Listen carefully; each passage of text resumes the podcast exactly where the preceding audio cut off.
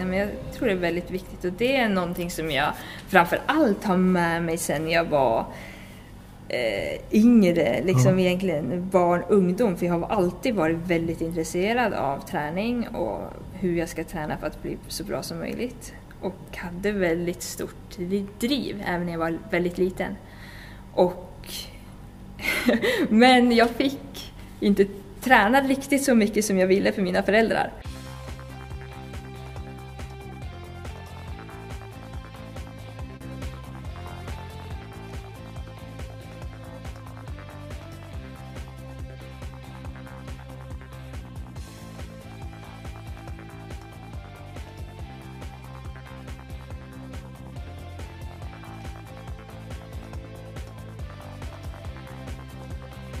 Hallå och varmt välkomna till ett nytt avsnitt av Radio O-ringen Podcast. Det här är nummer 108 i ordningen. Och här ska du nu få möta världens bästa orienterare.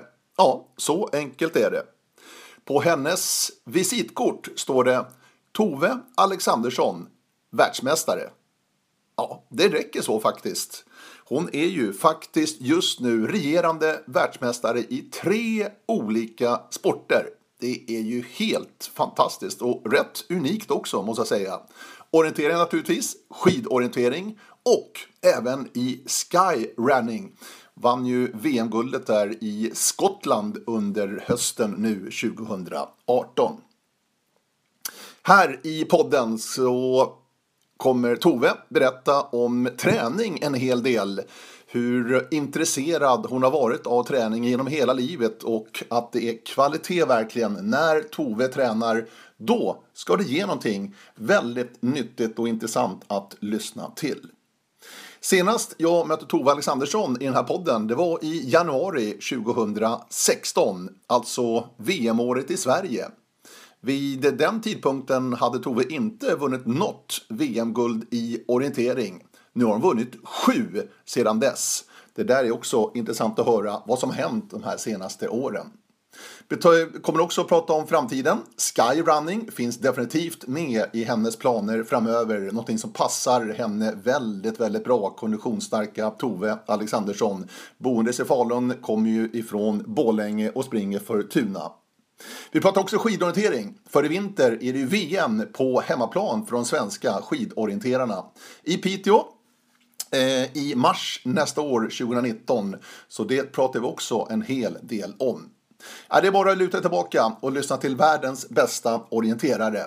Och jag börjar med att eh, fråga Tove efter de här fantastiska åren då sedan vi såg senast 2016 här i podden Radio O-ringen Podcast. Vi träffades på Idrefjäll förresten i januari 2016. Hon har alltså tagit sju VM-guld i orientering. Och jag frågar till att börja med, vilket är hon mest stolt över? Nej, det vet jag faktiskt inte. Jag värderar dem inte mot varandra utan alla är väldigt häftiga att ta. Ja, men plocka fram något ändå. Är det första speciellt till exempel? Eh... Nej, egentligen. Det är jättesvårt att... Eh, jag har väldigt bra och liksom starka minnen från alla, så det är egentligen inte att det första var... Eh... Ja, men det är klart att hela VM där i Sverige var ju väldigt speciellt liksom och stort och så, men sen så som eh, året efter i Estland när jag också hade helt fantastiskt VM och tog tre guld. Så det, nej, jag har jättesvårt att värdera dem mot varandra. Mm. Du, fram till dess hade du inte tagit något VM-guld i orientering då fram till den här januaridagen i eh, 2016 när vi sågs. Mm. Vad, vad hände där? Vad gjorde att du ändå tog då steget att kliva högst upp på pallen när du har, kan analysera och titta bakåt lite grann nu? Grejen var väl att eh, om jag tar de VM som jag har sprungit så först Ja, första året sprang jag var 2011 sprang jag stafett i Frankrike bara. Eh, så då tog vi medalj och sen året efter så tog jag ju en silvermedalj individuellt i Schweiz och det var ju jättebra. Då var jag junior fortfarande bara så det eh, hade jag gjort ett helt, helt perfekt lopp hade jag kanske kunnat vinna men eh, det, silvermedaljen var ju jättebra. Och sen eh, året efter då så eh, kom jag ju tvåa på både meden och lången efter Simone. Så det var ju också ja, väldigt Mm. bra.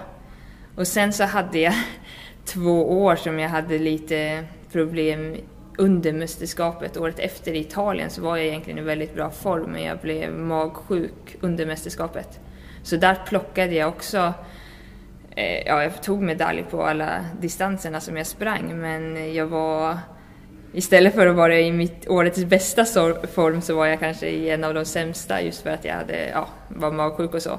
Eh, så där var det ändå att jag lyckades prestera ändå bra trots att det inte var optimala förutsättningar. Och sen året efter så var jag ju skadad eh, så då sprang jag ju, jag sprang sprintkvalet. Eh, jag gick ju vidare från det men sen kunde jag inte starta i finalen. Och sen så sprang jag långdistans finalen som sista men då hade jag ju inte sprungit kanske en timme sammanlagt löpning på tre veckor. Men eh, jag hade ju väldigt hög kapacitet ändå och hade jag gjort allting perfekt så hade jag kunnat vinna det loppet.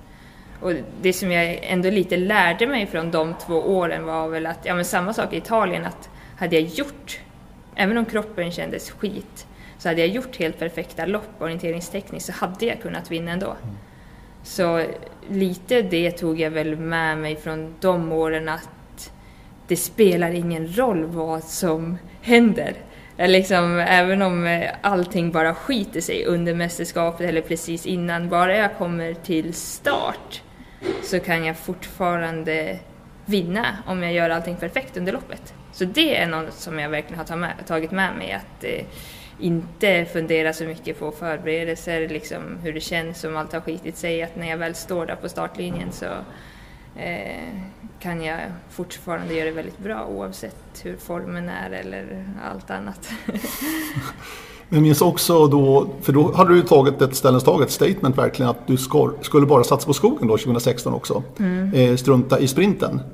Var det också ett viktigt steg för dig liksom att, eller varför tog du det beslutet? Ja men det var väl eh, lite för att jag ville så gärna få ett mästerskap där jag kunde vara frisk och skadefri och få springa det som jag hade tänkt. Och såklart att ju mer saker jag tränar för och springer på ett mästerskap, ju större risk är det att bli sjuk under mästerskapet. Man utsätter sig väldigt mycket för att göra maxprestationer mm. och sen så om det går bra, massa intervjuer och annat. Ja, även om det går dåligt, massa intervjuer och annat och massa folk som man träffar och det är ju liksom en väldigt utsatt miljö. Och samma sak att träna väldigt hårt för både skogen och sprint. Kräver väldigt mycket och att man kanske lägger sig lite närmare gränsen där också. Så att jag kände att jag ville så gärna bara få springa och vara hel och frisk så att jag ville lägga mig lite längre från gränsen så att jag skulle kunna vara mer säker på att verkligen få springa. Mm. År 2016 blev ett fantastiskt år. Du vann bägge gulden nere i Tjeckien på EM. Mm.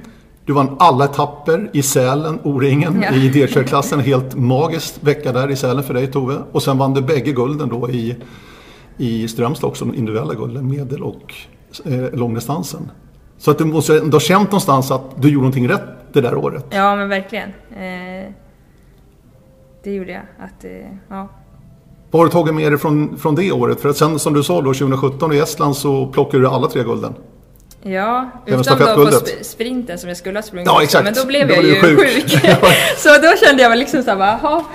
Eh, att... Eh, Ja, men jag tänker så här lite grann, efter då det här året när du skippade sprinten mm. medvetet mm. Mm. så tog du ändå beslutet att springa sprinten sen i Estland då, året mm. efter på VM.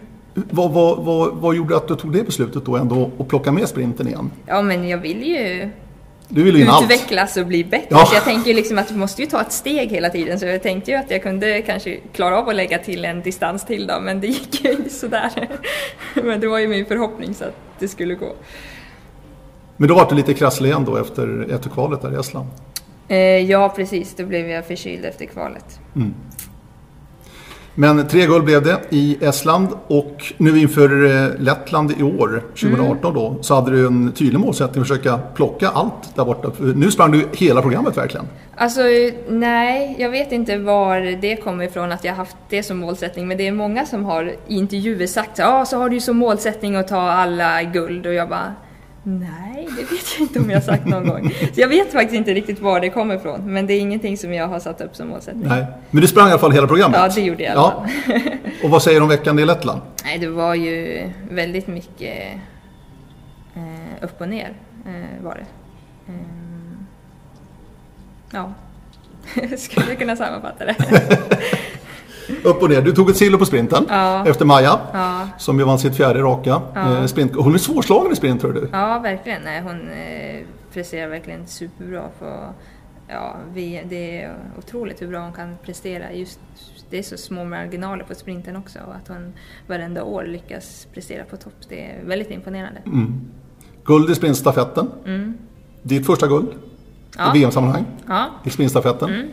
Där du sprang första sträckan och inte sista. ja nej precis. Hur gick tankarna där? Eh, nej, men vi tyckte att det var ett bra upplägg. Karo är ju otroligt vass på slutet på en sista sträcka och hon kände sig eh, också mer trygg med att springa en sista. Och eh, jag kände mig trygg med att springa en första sträcka också så då tyckte vi att det var ett eh, bra upplägg att göra så. Du, eh, långdistansguld igen, tredje raka. Där är du svårslagen. Ja. Det känner du själv också. eh, jo, men det, det passar ju mig väldigt bra och, med långdistansen så ja. Men den stora, den stora grodan, det var ju medeldistansen. ja. jo, det kan man ju säga. Men vad, vad, vad, vad tänker du så här efteråt? Vad, vad hände? Eh, nej, men grejen var att jag ha, hade haft lite svårt för orienteringstekniken där i terrängen innan och jag har egentligen inte gjort något bra lopp i terrängen innan Nej. VM alls. Liksom varken på träningar eller tävlingar sprungit. Men jag hade ändå förhoppningar om att eh, jag skulle kunna fixa det på VM för att ofta så presterar jag bättre ju viktigare tävling det är. Att jag skärper mig lite, är lite mer fokuserad och kan göra det bättre. Så är det oftast att jag på en träningstävling har jag ganska svårt för att springa riktigt bra men ju viktigare det blir så presterar jag också bättre. Så det var, jag hade förhoppning om att det skulle kunna gå så också även om jag inte hade gjort något bra lopp i terrängen innan. Men nej, det gick inte. Jag fick inte alls ihop eh, det. Men sen den stora missen jag gjorde, det berodde ju på att jag läste till fel kontroll. Eh, Så den missen var inte orienteringstekniskt på samma sätt. Men jag hade ju inte sprungit bra innan det heller. Men just den stora missen, det berodde ju på att jag eh, ja, läste till fel kontroll. Det är bara att glömma och gå vidare. Eh, ja, eller jag drog ju liksom, det är klart att jag kan dra erfarenhet av den medeldistansen och just eh, ja, men orienteringstekniskt att jag faktiskt inte eh, kunde orientera på samma sätt som jag brukar. Och det drog jag ju erfarenhet sen till både lången och stafetten. Okej, jag måste göra någon förändring i eh, ja, men min, hur jag orienterar för att kunna springa riktigt bra i den här terrängen. Du, eh, det stora i år egentligen, det var ju ditt eh, skyrunning-race för några veckor sedan i Skottland. När du, ett inofficiellt VM i skyrunning i Skottland. 29 kilometer, 2500 meter stigning och 3.46. Det fick en enorm uppmärksamhet det här guldet. Ja, det Eller hur? Ja. Jo, men så är det. Känner inte Ja. du det själv? Mm, ja, jo, kanske. Ja. eh, jo, men så är det väl att jag har fått. Jag, Jag menar, du blir ett namn också lite andra kretsar. jo, men så är det ju verkligen. Eh, det var ju, jag sprang ju ett Skyrace förra året. Eh, I Limone eh, förra hösten som jag också vann. Och då blev det ju verkligen liksom så här att jag kom från absolut ingenstans och vann. Så. Berätta, skyrunning för de som inte är så insatta. Vad handlar det om Tove?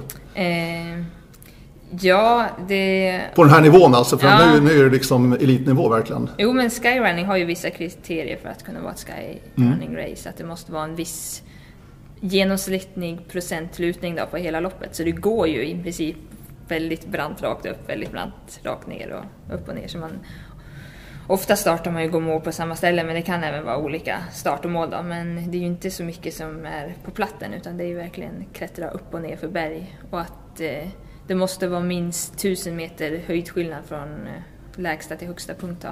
Och eh, eh, de här Sky Racing Classic, det som jag har sprungit då, ska vara mellan 22 och eh, det är 50 kilometer tror jag. Och sen om det är över 50 så blir det ja, Ultra. Så det är väl definitionen av eh, Sky Race.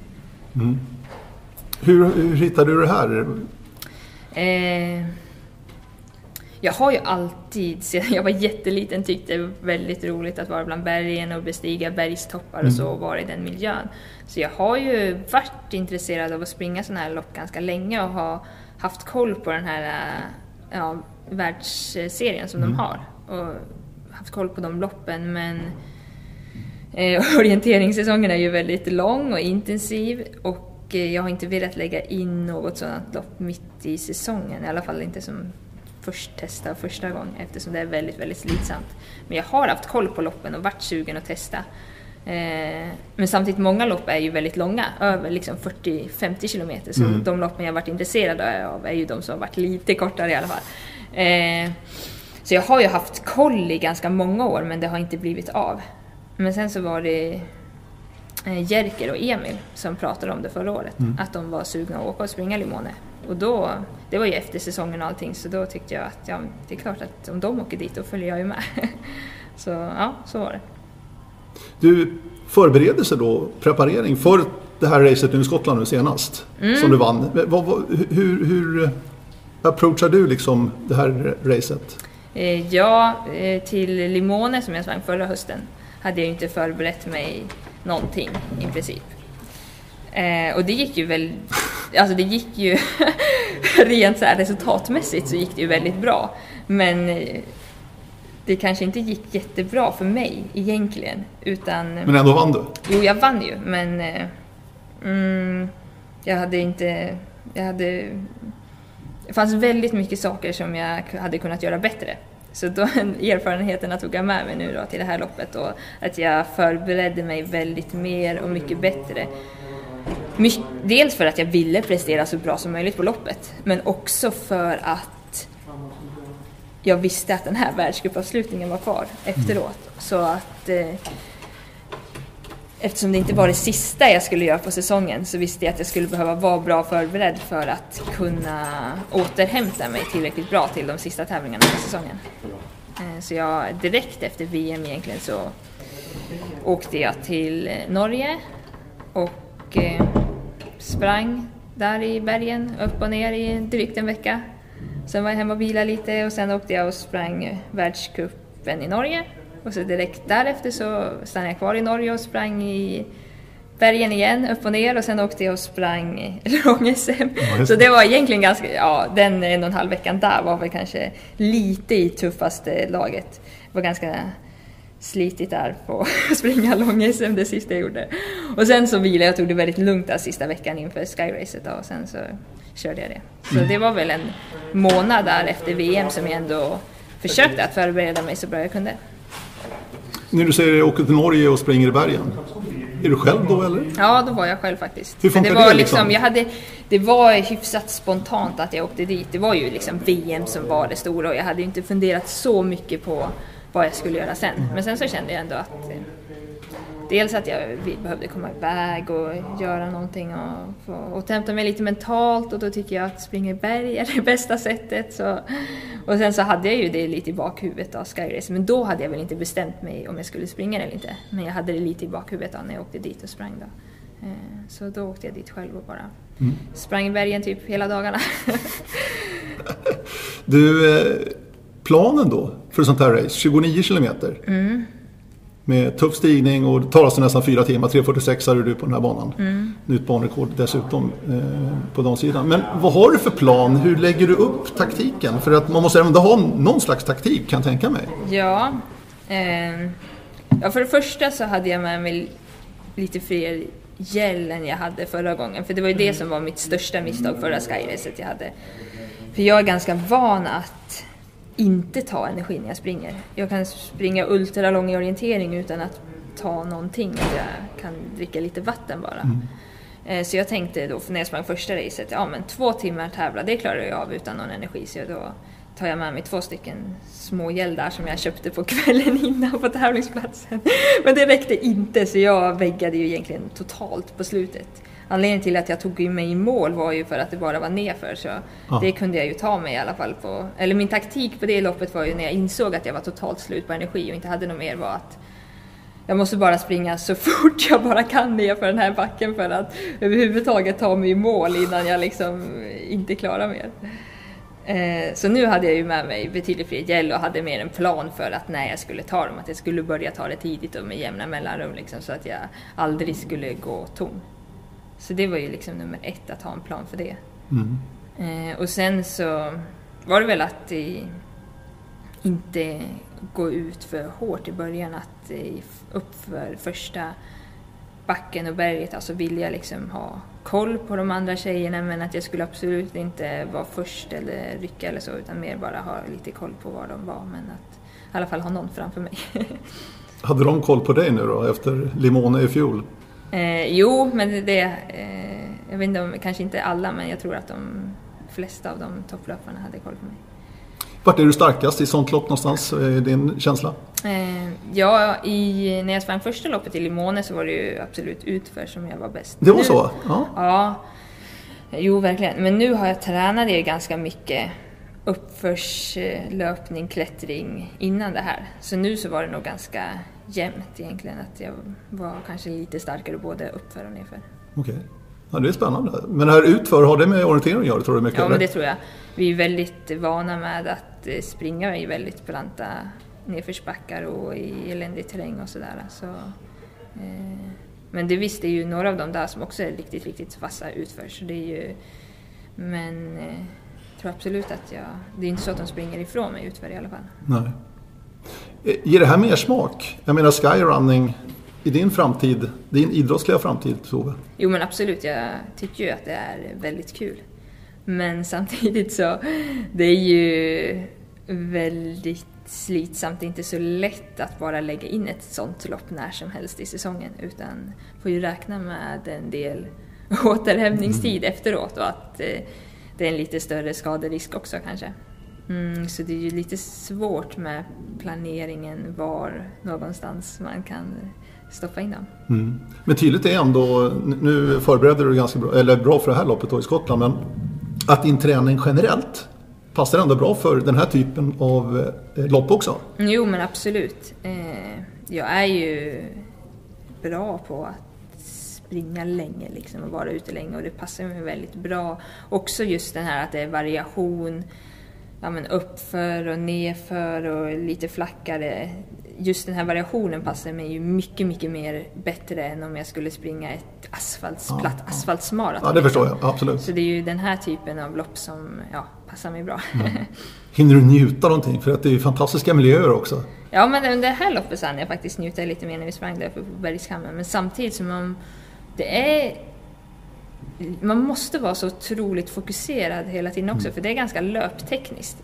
I uppförsbackarna behöver man kanske inte vara riktigt lika fokuserad hela tiden på var man sätter fötterna, men när man springer uppe på de här eh, bergsryggarna och så, så är det ju ganska stenigt och löptekniskt. Samma sak när man springer ner, för där måste man ju också vara helt fokuserad på var man sätter fötterna och så. Mm. Så man hinner inte slappna av så mycket medan man kör, utan det är ju fokus.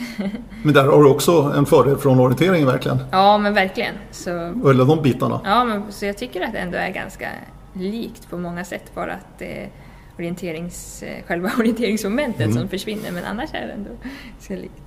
Hur jobbar du mentalt under ett sånt lopp? Det är ändå 29 kilometer då.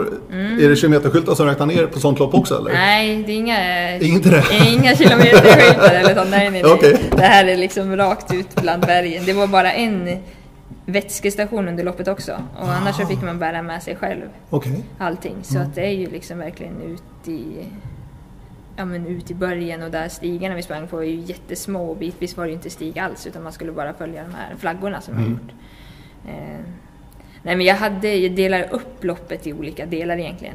Det blir ju ganska naturligt att okej först ska jag upp på den här toppen och sen ska jag ner för toppen och sen bara ett lite flackare parti och sen ska jag upp brant igen och så springer jag uppe på åsen lite upp och ner och sen ner för igen. Så det blir liksom ganska naturligt att dela upp loppet i olika bitar liksom och hela tiden fokusera på varje bit. Liksom. Okej, nu kör jag den här biten och sen när man kommer, ja nu är det nästa del. Mm. Hur länge var du själv då? Alltså i damklassen då? Eh, Jag låg då bakom upp till första toppen eh, och sen gick jag om. Jaha. Ingen tålamod där inte. Nej, då kände nu, nu är det okej att gå om. Så då Okej. gick jag om. Eh, Och sen så sen tittar jag ju liksom inte bakåt något mer. Men sen så du har ju folk omkring dig hela tiden eftersom du startar samtidigt som mm. alla andra också. Eh, men jag såg ju ingen mer tjej sen. Det jag inte. Nej. Spännande. Du var inne och tittade på din eh, blogg. Jag måste ta på mina glasögon så jag ser vad jag skrev upp här. Eh, 2017, alltså förra året, mm. hade du 62 tävlingar, 219 resdagar, 146 dagar hemma. Har mm. du noterat. Mm. Du har bra koll på det där. Eh, ja, eller det var För säkert att jag dagbok kollade. eller? Ja, det är ju träningsdagbok. Jo, jo precis. Men jag tänker resdagar och sånt där också har du koll på. Det, det är intressant. Eh. Det är väldigt mycket du, 219 resdagar. Ja, ja, det är dagar som är borta. Ja, ja jag förstår mm, det. Precis, jo. Eh, ja, jo men jag är ju iväg väldigt mycket. Det blir ju så när det är... Dels så vill jag ju förbereda mig så bra som möjligt för de mästerskap jag springer. Och då blir det ju väldigt mycket läger iväg på de ställena och sen så har jag ju väldigt mycket tävlingar också eftersom jag har eh, ja, säsong i stort sett hela året. Mm. Eh, och samma sak när jag förbereder mig inför vintern och så blir det ju också ganska mycket iväg för att komma på snö och så liksom i början av eh, eh ja, i, november, december så blir det också ganska mycket resa för att komma iväg även om det inte är tävlingar. Mm. Eh, vi kommer till det, ni som undrar, men skidnoteringen kommer för att det är ett VM i Sverige i vinter. Det ska bli otroligt kul Tove. Eh, med det VMet. Men först bara stanna upp lite grann med träningen. Mm. Eh, bor i Borlänge, men tränar mycket och tar hjälp av DSA rätt mycket. Ja, I Falun? Ja, i Fal jag bor i Falun. Ja, du bor i Falun. Ja, förlåt. Mm. Ja. Eh, hur, hur, fungerar det liksom? Hur, hur använder du DSA och, och så vidare i, i din träning? Eh, alltså men, Dala Sports Academy mm. om det var tydliga. Nej, när jag på, hemma, på hemmaplan då, så betyder ju DSA väldigt mycket för mig. Eh, det är ju egentligen en väldigt stor anledning till varför jag bor i Falun. Just på grund av den här träningsverksamheten mm. som jag tycker är väldigt bra. Som har både, ja det är orienteringsdelen och skiddelen då, den, de delarna som jag utnyttjar. Mm. Med eh, arrangerade träningar varje dag i förmiddag, varje förmiddag i veckan. Eh, så det är ju, för mig som inte har någonting annat, inget jobb eller inga studier, så är det hur bra som helst att kunna få de träningarna på förmiddagen. Eh, så det försöker jag att utnyttja så mycket som möjligt när jag är hemma. Att välja att antingen gå på skidträningarna eller orienteringsträningarna. Mm. Hur jobbar du eh, träningsmässigt? Hur pass detaljerad är du i din eh, planering? jag har ju, dels har jag ju en form av grundplan om jag ser på hela året. Jag vet ju vilka tävlingar som jag vill vara i bra form på, vilka som är de viktiga. Och sen så försöker jag lägga in lite hårdare träningsperioder däremellan. Eh, så det har jag ganska bra koll på när det blir större träningsperioder och när jag ska släppa upp. Och sen eh, ja, men mer detaljplaneringen så bestämmer jag ganska kort innan. Dels vad jag ser beroende på var jag är. Om jag är på träningsläger så är det såklart att jag tar del av de träningarna så mycket som möjligt som är på det lägret jag är på.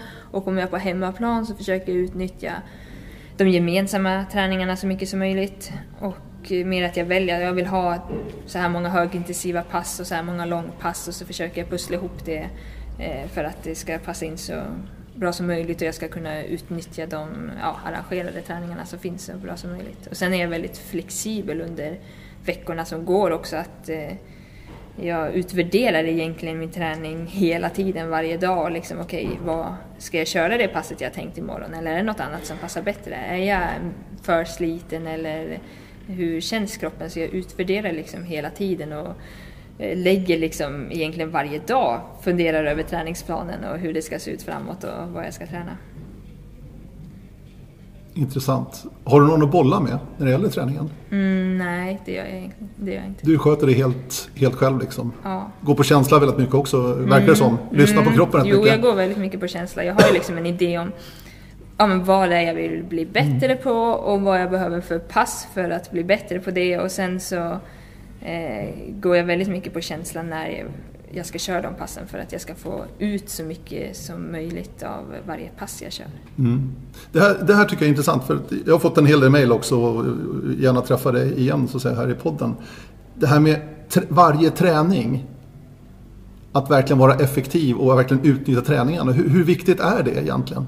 För många tror jag lite slentrianmässigt bara åker och tränar. Ja. Och tänker inte så mycket. Nej men jag, jag, kan gå till mig själv bara. Ja.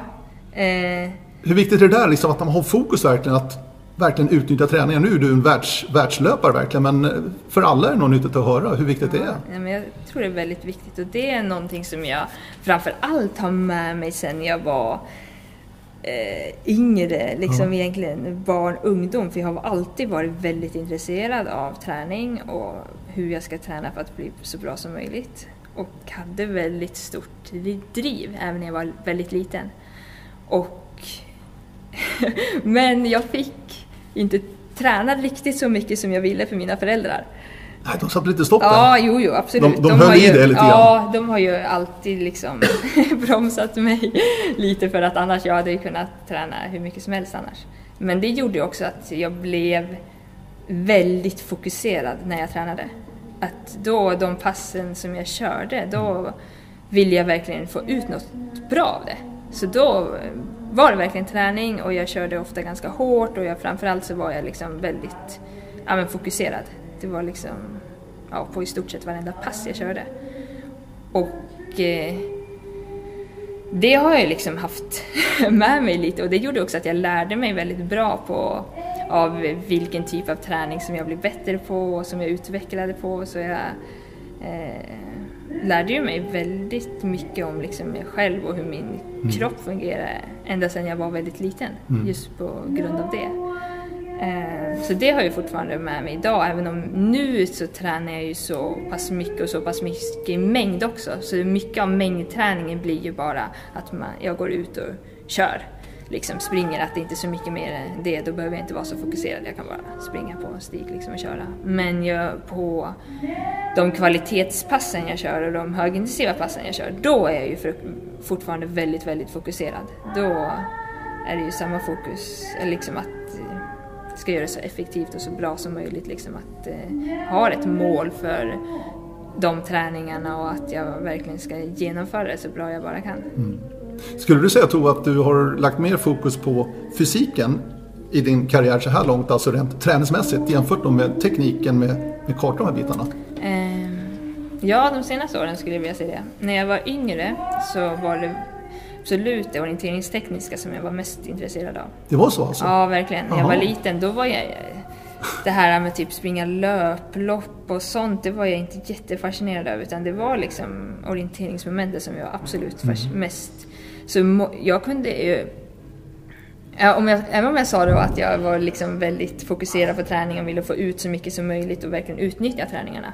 Så jag kunde ju vara ute och gå på träningar om jag kör orienteringsteknik. Att jag kunde, ja men när jag var så här tio år liksom, jag ville köra så svår orienteringsteknik som möjligt. Så då, men då kunde jag vara ute och gå bara för att verkligen läsa på allt och förstå kartan. Så när jag var yngre så var det nog egentligen det orienteringstekniska som eh, jag ja, var mest motiverad för och körde mest. Eh, och sen så på senare år så har jag nog fokuserat eh, egentligen betydligt mer på det fysiska och mer att förbereda mig så bra som möjligt i den terrängen inför de mästerskapen jag ska springa. Att ha haft väldigt mycket fokus på orienteringsteknik när jag varit iväg på träningsläger i relevant terräng. Men i stort sett bara fokuserat på det fysiska på hemmaplan.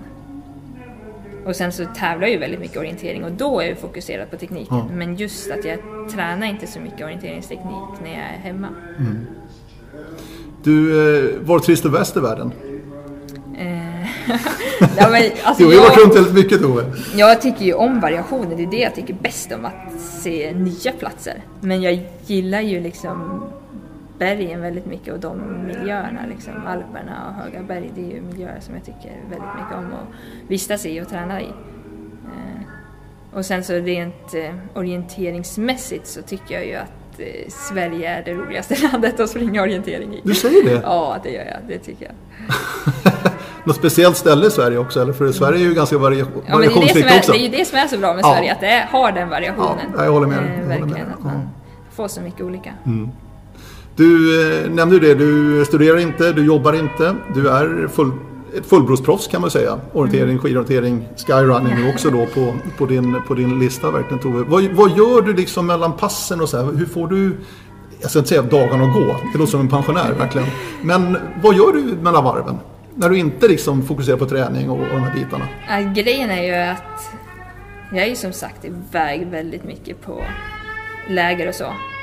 Eh, och då är det ju mer att man är, följer lägerplanen, är tillsammans med de andra och hänger med dem liksom och spelar kanske lite spel mellan passen och så. Så när jag är iväg så försöker jag ja, vara så mycket som möjligt liksom i den miljön bara. Och att klara av allting annat när jag är hemma som svarar på mail och intervjuer och eh, gör liksom boka flyg och reseplanering, att göra allting sånt när jag är hemma. Du fixar sånt själv också? Eh, ja men det är väl klart att många Ja men när man är med landslaget så då får man ju allting fixat liksom med flyg och reseplanering och så men annars är jag ju iväg på en hel del eget också och då eh, kan jag ju planera själv liksom så det är ju lite olika men jag tycker det är ganska kul liksom att planera och fixa själv också när man har tid. Mm. Eh, så, och sen eh, som jag är hemma så kort tid i sträck ofta så blir det liksom bara hem och fixa och liksom packa upp väskan och tvätta och packa i väskan igen så det, det blir inte jättemycket tid över och sen så försöker, tränar jag ju väldigt mycket när jag är hemma också. Så eh, när jag är hemma så blir inte så mycket tid över till annat men jag prioriterar ju alltid återhämtningen egentligen att eh, ja, se till att liksom, jag har ju alltid tid liksom, så att jag återhämtar mig så bra som möjligt eh, och att jag verkligen prioriterar det. Och det är en viktig bit det här med återhämtningen. Kanske man glömmer bort, man pratar mycket om träning, träning, träning, träning. Men det här med återhämtning Tove, det är också en otroligt viktig del. Ja, ja herregud. Det är ju bland det viktigaste och det är ju därför som jag kan träna så mycket och så mm. hårt som jag gör just för att jag är väldigt noga med återhämtningen. Annars så skulle det aldrig gå. Nej. Eh, ja, du är ett proffs som jag kan, kan man ju säga. Du, du har sponsorer, du har partners som hjälper till för att eh, stötta dig så att du får ditt liv att gå runt också. Med, med, du ska också bo och äta och sådär. Är det mycket åtaganden för dig gentemot dina sponsorer och partners? Eller hur, hur har ni löst de bitarna? För att du, du ska ändå fokusera på, på, din insats. Jag menar, det kan vara en konflikt där ibland. Ja, nej men alltså de samarbetspartner jag har, de stora som jag har är ju eh, ja, väldigt, det är liksom väldigt bra på det sättet att dels är det ju Iceberg som jag är väldigt intresserad av liksom skor och så. Att, eh, det är ju någonting som jag tycker är kul och som också är viktigt för mig att jobba med att ta fram så bra skor som möjligt. Så du är med där också och ja. ger input så att säga? Ja men precis och sen så Silva är ju också liksom lite samma sak att det är ju liksom mycket på orienteringsmarknaden och vi är intresserade av samma saker. Och sen så Idre fjäll är ju också hur bra som helst, jag kan åka dit och träna och sen så ha någon föreläsning eller bara vara där och mm. synas och sen Moälvens skog och det är ju liksom också att eh, det är ju ganska nytt i samarbete men det känns liksom också väldigt bra när jag har varit med dem liksom att eh, de sakerna som jag har varit med på har eh, liksom varit med saker som ger mig också att eh, eh så de samarbetspartner jag har och samma sak med Suzuki med bil, liksom att jag är väldigt noga med de samarbetspartner jag har att välja sådana som jag dels kan stå för och eh, ja, men så att det känns rätt. Så allting som jag gör gentemot mm. dem är liksom saker som jag tycker om och tycker att är kul. Så det enda är ju liksom att det ska ju vara rätt intajmat i säsongen då, så det inte tar på mitt idrottande. Men det är ju de väldigt förstående med liksom, att det inte får ta på mitt idrottande. Så nej, så de samarbetspartner jag har känns liksom väldigt roliga och givande så det känns jättebra. Så att du har hittat en bra balans där? Ja, det låter som det. men verkligen. Ja. Du, eh, O-ringen. Mm. Du har 11 totalsegrar i O-ringen. Mm. Fem i D21 elitklassen. Imponerande. Men du var inte med i somras. Nej. Vi saknade dig Tove. Ja. I Örnsköldsvik och Högkusten. Många säger att det var det bästa någonsin ja. kanske rent orienteringstekniskt, ja. orienteringsmässigt. Varför var du inte med? Berätta. Nej, grejen är att när jag såg att O-ringen skulle vara där så var det liksom bara Gud vad roligt, det där ser jag fram emot så mycket liksom så att, ja, verkligen. Och så såg jag liksom, okej, okay, VM ska gå i Lettland några veckor efter. Det var liksom bara O-ringen i Övik, VM i Lettland. Så bara, ja, terrängen i Övik lockade ju lite mer. Men eh, samtidigt så när det, är, det är ju VM jag fokuserar på och dit vill jag ju jag vill förbereda mig till 100% och göra precis allt jag kan för att komma dit så bra som möjligt. Och eh, då visste jag att eh, det var inte att springa O-ringen innan skulle inte vara det bästa för VM. Och då valde jag bort det, även om det tog emot väldigt mycket för jag hade så otroligt gärna velat springa O-ringen. För jag tycker ju, dels tycker jag ju O-ringen är en fantastisk tävling. Och sen så just att det gick i så fin terräng som jag verkligen gillar jättemycket. Så det tog väldigt mycket emot att stå över det, det gjorde det verkligen. Men eh, eh, samtidigt så är det VM som är det stora målet under året. Men jag tänkte, det, det kan vara tufft också för dig då som, som lever som idrottare. Med de fina Mm. prispengar som också är på O-ringen som också är en viktig del för er för att ni ska kunna driva er, eran utveckling vidare. men absolut, där är ju O-ringen otroligt bra och Ja. otroligt viktig liksom för att kunna göra det. Men eh, jag är ju så att är ju, jag är så fokuserad på själva idrottandet och tävlingarna att jag låter liksom aldrig sådana saker avgöra om jag tror att det är något annat som är bättre för min prestation. Helt enkelt. Ja, ja, ja, ja, ja. Jag, jag tycker du är väldigt bra Tove där. Nästa år är det något längre mellan O-ringen och VM i Norge. Mm. I Norrköping, Kolmården, också fint. Vad- Hur ser planen ut för dig nästa år? Kan du berätta det nu eller? Ja, nej men eh, min tanke är att springa O-ringen nästa år, det är det. Eh, det är som sagt lite längre mellanrum plus att det är ju ett eh, skogs-VM bara så att jag behöver inte fundera på att förbereda mig för sprint heller och det gör att O-ringen-upplägget passar betydligt bättre för att förbereda sig mot skogsdistanserna bara. Eh, Och terrängmässigt också inte så stor ja, skillnad. Nej precis och att eh, VM-veckan är ju kortare också så den blir ju inte riktigt lika tuff som det hade varit i år att först dra en O-ringen-vecka och sen bara ha en vecka och sen så dra en hel VM-vecka. Eh, Så det tror jag kan vara ett riktigt bra upplägg att köra O-ringen och sen få några veckor emellan och sen köra VM. Det blir en riktigt bra genomkörare. Du är inne på det, nu, nu ska ju eh, VM ändras här formatmässigt. Skogs-VM varannat år och ett urbant sprint-VM varannat år. Och vad säger du om det här nya upplägget? Det ska bli väldigt spännande att se. Eh, Jag tror att det kan bli bra. Eh, Varför då? Ja, men dels för att förhoppningsvis så kommer ju alla bästa att kunna springa alla distanser. Annars är det ju, nu sprang jag ju alla distanser i år då, men annars är det ju väldigt sällan som de bästa springer allt. På medeldistansen i år så var det ju en del som saknades, både Maja och Judith till exempel som hade kunnat eh, prestera riktigt, riktigt bra. Så det är ju alltid tråkigt när de bästa inte ja, springer. Eh, så det är ju för, förhoppningsvis så kommer ja, de bästa att kunna springa ja, de distanserna då, alltså de är bra på. Eh, och sen eh, så ska det bli spännande, tycker jag, att verkligen få fokusera en period bara på sprint också. Och se hur bra jag kan bli på sprint om jag verkligen har det som huvudfokus. För det har jag ju inte riktigt haft eh, tidigare eftersom det ändå har kanske varit skogsdistanserna varit det som jag fokuserat lite mer på. Så det tycker jag ska bli väldigt spännande att eh, få göra en sån satsning också. Vad är det som saknas där i sprinten för dig, tror du, Tove? Är det någonting som du kan peka på, som du känner att ah, här vill jag bli bättre på? Nej, men jag tror att det är eh, lite av eh, allt. Jag behöver få bli lite bättre tekniskt också liksom. Maja är otroligt imponerande som eh, alltid liksom presterar så bra på VM, att hon alltid gör de där topploppen liksom. Att eh, kunna hitta det att jag är ju liksom det är ju sällan jag presterar dåligt på sprint, men att eh, som på VM i år så finns det ganska mycket tid som jag hade kunnat tagit. Att jag hade kunnat göra ett betydligt bättre lopp och liksom att kunna eh, ja, hitta det. Och sen så rent fysiskt också så vet jag att jag förhoppningsvis kan bli snabbare om jag lägger eh, mer fokus på det i träningen.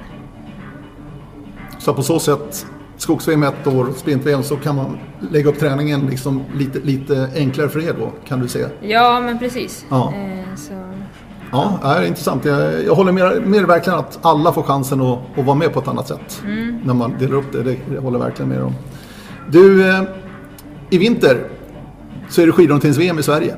Mm. Du har åtta VM-guld i skidorientering. Plus då sju i fotorientering. Ja. Grymt imponerande. Du tog ditt första redan 2011. Mm. Sprint. Guldet. Vad minns du av det? Det är sju år sedan du tog det. Det känns Ja. som en evighet sedan. Men det är sju år sedan. Du var ju, du var ju bara 19 år då. Ja. Eller skulle bli 19. Ja, så jag var bara 18. Du var 18 va? Ja. Precis. Det var ju väldigt speciellt för det var ju det första internationella loppet på seniornivå som jag åkte. Det var det. Ja, Jaha. eh, för att... Eh, det Inte ens ju- världscupen någonting Nej, det är ju bara världscup eh, vartannat år. och året innan så hade jag inte åkt någon världscup. Och sen så var det ju EM det året, men då var det junior-VM samtidigt, så då åkte jag junior-VM. Så det jag hade gjort var att jag hade åkt de svenska uttagningstävlingarna och blivit uttagen på det. Så det var ju det var ju absolut ingenting jag hade räknat med eller förväntat mig. Jag, vet, jag hade haft junior-VM innan och det var ju det som var årets stora mål. Eh, Så sen VM var ju liksom mer som en stor bonus. Jag tyckte det skulle bli jättekul och jättehäftigt att få vara med men jag tror liksom inte jag hade några liksom resultatmål alls. Så nej, det var ju väldigt... Ta oss tillbaka. speciellt. Vart var du någonstans? 2011. Sprintguldet du tog där i Ja, skidorientering. det var ju i Sverige. Eh, jag är så dålig på... Ja. uppe i Härjedalen, Ja, va? uppe i Härjedalen. Tennis. Ja, precis. Ja. Eh, och... Eh, Men kommer du själv, hade du några förväntningar på dig själv liksom? Det hade du säkert, det brukar du ha. jo, jo, det är klart. Alltså, jag ville ju prestera ett bra Ja, lopp. Jag hade ju varit besviken om jag hade gjort bort mig och gjort ett dåligt lopp. Så det är klart, jag var nog liksom väldigt nervös och så och ville verkligen eh, prestera bra. Eh, men jag hade ju också väldigt mycket mästerskapserfarenhet från ja, junior-VM, både orientering och skidorientering och att...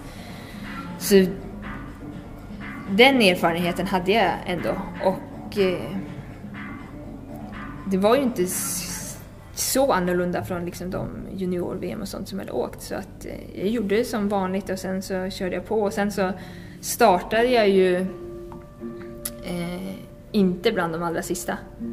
Eh, så det var ju, jag ledde ju när jag kom i mål och det var väl liksom inte så här jätteöverraskande, utan det var ju jättebra. Men det var ju många kvar efter det och sen så kommer de in en efter en liksom och att det är ingen som slår mig.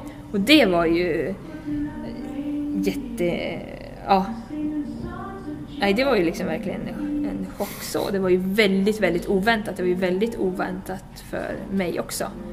Så för de flesta andra ja, men riktigt bra resultat jag har gjort som när jag tog min första världscupseger och även när jag tog VM-silver. Det var egentligen inte oväntat för mig själv. Utan eh, som den första världscupsegern jag tog, det var näst, det hade jag faktiskt som mål att jag skulle vinna Det så, ja. Så det var jag väldigt liksom målinriktat på att jag skulle göra. Så de flesta andra liksom riktigt bra resultat jag har gjort har jag in, Så det är egentligen nog det enda lopp som jag verkligen har varit väldigt förvånad över själv. Att det gick så bra som det gjorde. 2011, alltså nu eh, 2019 då så är det VM i Piteå Mm. i slutet av mars månad. Ganska sent på säsongen. Ganska nära orienteringssäsongen Ja. sen också kan vi notera. Hur mycket tankar har du på Piteå och VM redan nu Tove? Jag ser fram emot det väldigt mycket. Jag tror att det kommer bli otroligt roliga tävlingar. Så det ska bli jättekul. Eh, och eh, det är som sagt ganska långt kvar så jag känner att eh, jag kommer få ja, men hinna få en riktigt bra förberedelse till det förhoppningsvis. Och sen så är det ganska långt kvar till de viktiga tävlingarna i orientering efter det eftersom ja, VM går ganska sent, redan ja, i slutet av augusti och första världscupomgången är också ganska sen. Så jag känner ändå att jag har ganska mycket tid att eh, lägga om träningen och så och förbereda mig inför orienteringssäsongen efter VM. Så jag kommer ha väldigt stort fokus på VM nu under vintern, även om jag kommer träna som vanligt och springa väldigt mycket på vintern också. Men att eh, jag känner verkligen att jag kan ha eh, väldigt mycket fokus på VM eftersom det inte är några viktiga orienteringstävlingar liksom, nära inpå. Hur mycket specifik skidträning bedriver du nu under sommarhalvåret? Inget alls.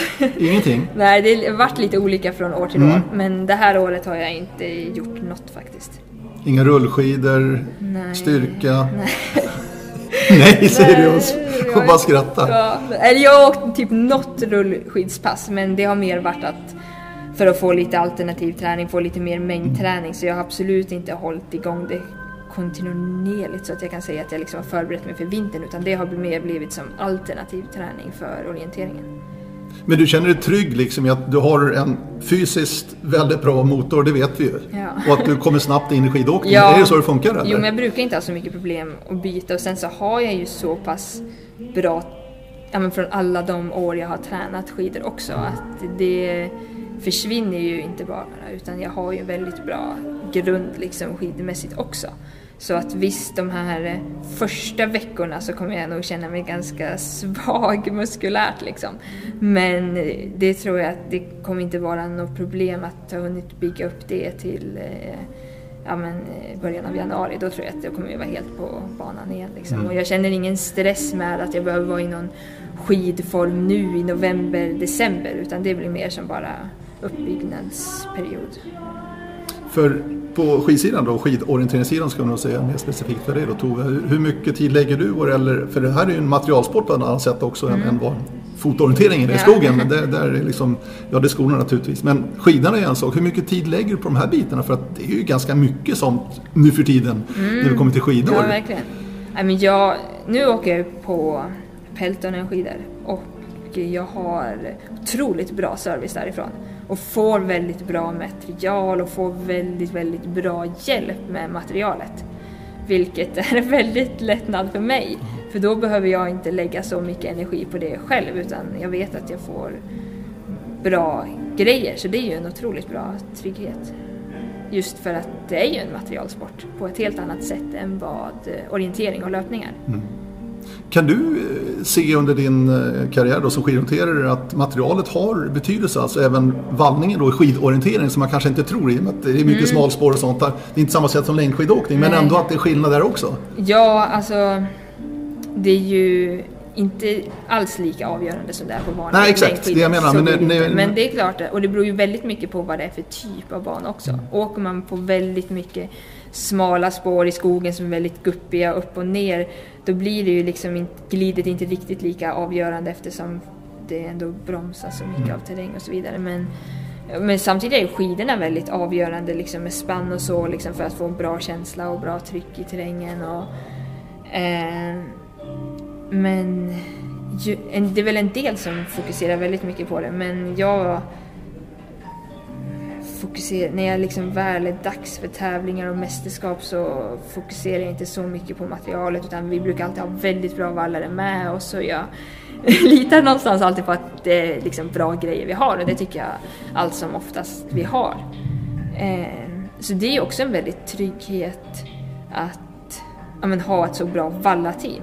Hade det varit så att jag hade behövt valla skidorna själv, det hade varit en helt annan sak. Alltså då, det hade inte varit bra kan jag säga. Så, så sätt så är det ju otroligt bra att vi har den servicen som vi har. Om det hade varit så att man fixar allting själv, då hade det liksom... Så det är ju... Jag tror säkert att det kan vara stor skillnad liksom med de som kommer från mindre länder och inte har den servicen och om de inte har koll själv. Så det är klart att de har väldigt stor nackdel av det. Eh, Så är det ju. Men för er på skidorienteringssidan, det är samma där. Ni har väl också lite glidtester och sånt och provar ut de skidor ni vill åka på? testar Eller? ju väldigt mycket. Ja, det är så? Och, ja, ja, ja. Testas ju, de vallarna lägger ju också ner ett otroligt jobb och vi får ju också skidpar som vi testar sen vad vi tävlar på och vilka vi ska välja in.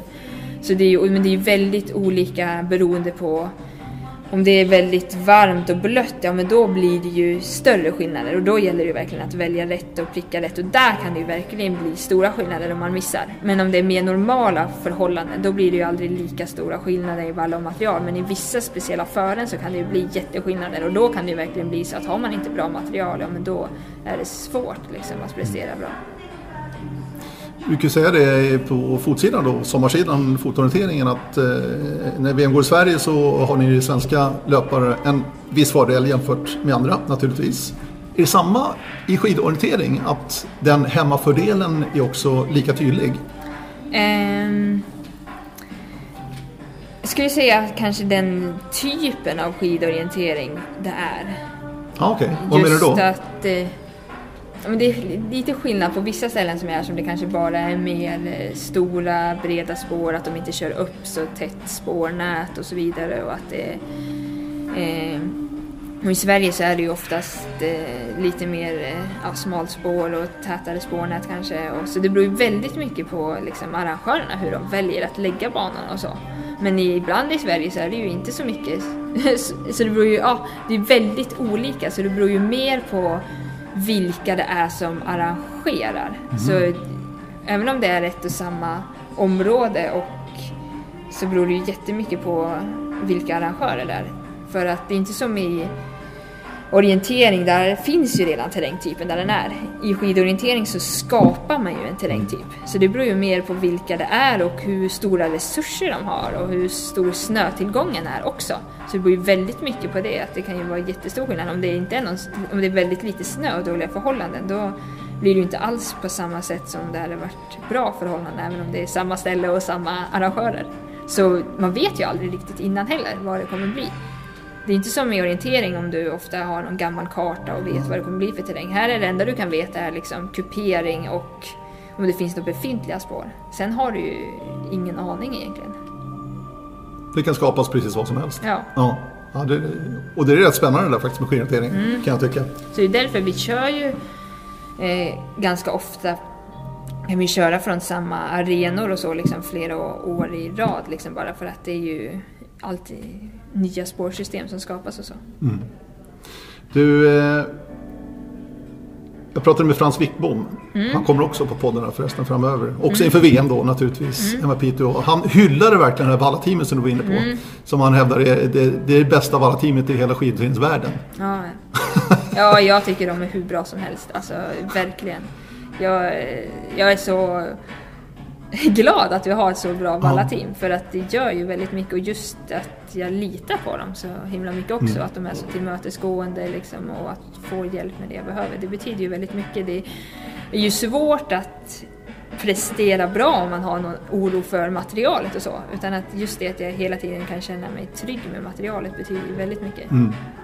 Du på fotsidan så är det ju det är du Tove, det är Judith Wider, det är Maja Alm, Natalia Gempele, Sabina Hauswirth, alltså de Marika, Marika Teini, de stora namnen. Vilka är de stora namnen på skidorienteringssidan? Vilka är dina stora konkurrenter när kommer till ett VM i Piteå i, i vinter?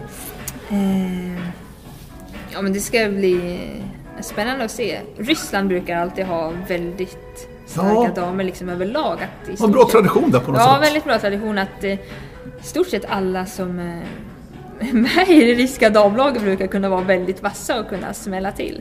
Eh, så, och sen så är det ju Sverige som har väldigt starka damer också. Hela svenska damtruppen är ju också väldigt stark och liksom alla i den truppen kan också smälla till. Så jag skulle säga liksom Sverige och eh, Ryssland ligger kanske ett litet steg före de andra. Mm. Eh, att, ja. Och nu, nämn några ryska damer då som är starka. Vil- Vilka är de starkaste just nu? När det kommer till vintern. Det är svårt. Det är alltid spännande att se vilka som är med Ja, ja, det De har också. så speciella uttagningssystem och man har inte riktigt koll på dem. Så det ska... Eh, det är alltid spännande att se när säsongen drar igång vilka ryskor som är de starkaste. Ja. Så det har varierat lite från år till år liksom vilka som är med och så. ja. Du, eh, när kommer det på snö första gången? Har du, har du koll på det? Eh, Ja, men jag ska åka till Idre fjäll nu efter säsongen. Så det blir nu i oktober någon gång som blir första snölägret. Just det. De öppnar sin skidspår. 10 km de lovat i år. Ja. Den 12 oktober. Ja, precis. Så att det, är- det är nu i oktober. Så att Mm. det kommer att ligga och, och, och snurra en hel del då. då. Jo, men det kommer att bli lite varv där med 10 kilometer. Då är ju, behöver man inte snurra så mycket i alla fall, så det är bra. Ja, det är bra. Absolut. Släpper du orienteringen då helt, alltså tankemässigt, då, då är det skidorientering nu som gäller de närmaste fyra fem månaderna. Eh, nej, inte de närmaste fyra, fem månaderna inte. Men kanske att nu efter säsongen så kommer jag släppa orienteringen helt i några veckor i alla fall.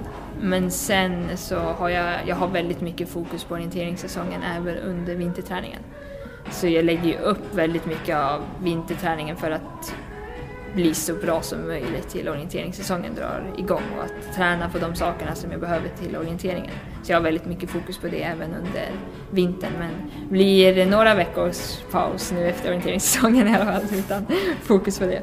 Det, det är du väl värd. Och så ett VM i Norge nästa år som Ja. kan passa Tove Alexandersson ganska bra tror jag. Ja, Det, det såg vi ju inte om ett annat i världscupen. ja nej, men precis den terrängen där passar mig väldigt bra och jag tycker det är väldigt eh, rolig orientering.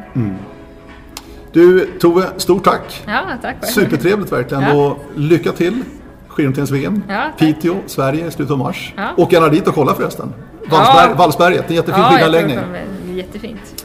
Radio O-ringen Podcast, hör gärna av er. Radio oringen.se. Vi säger tack och hej! Hej då!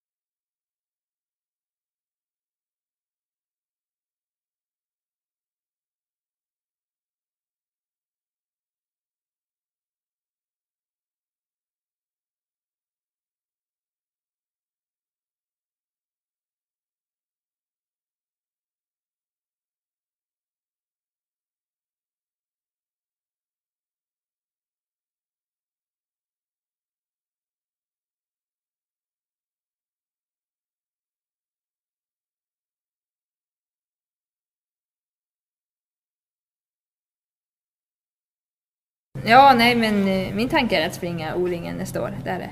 Eh, det är som sagt lite längre mellanrum plus att det är ju ett eh, skogs-VM bara så att jag behöver inte fundera på att förbereda mig för sprint heller och det gör att O-ringen-upplägget passar betydligt bättre för att förbereda sig mot skogsdistanserna bara.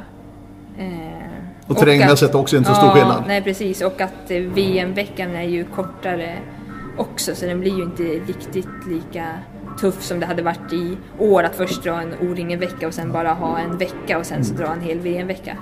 Eh, Så det tror jag kan vara ett riktigt bra upplägg att köra O-ringen och sen få några veckor emellan och sen köra VM. Det blir en riktigt bra genomkörare. Mm.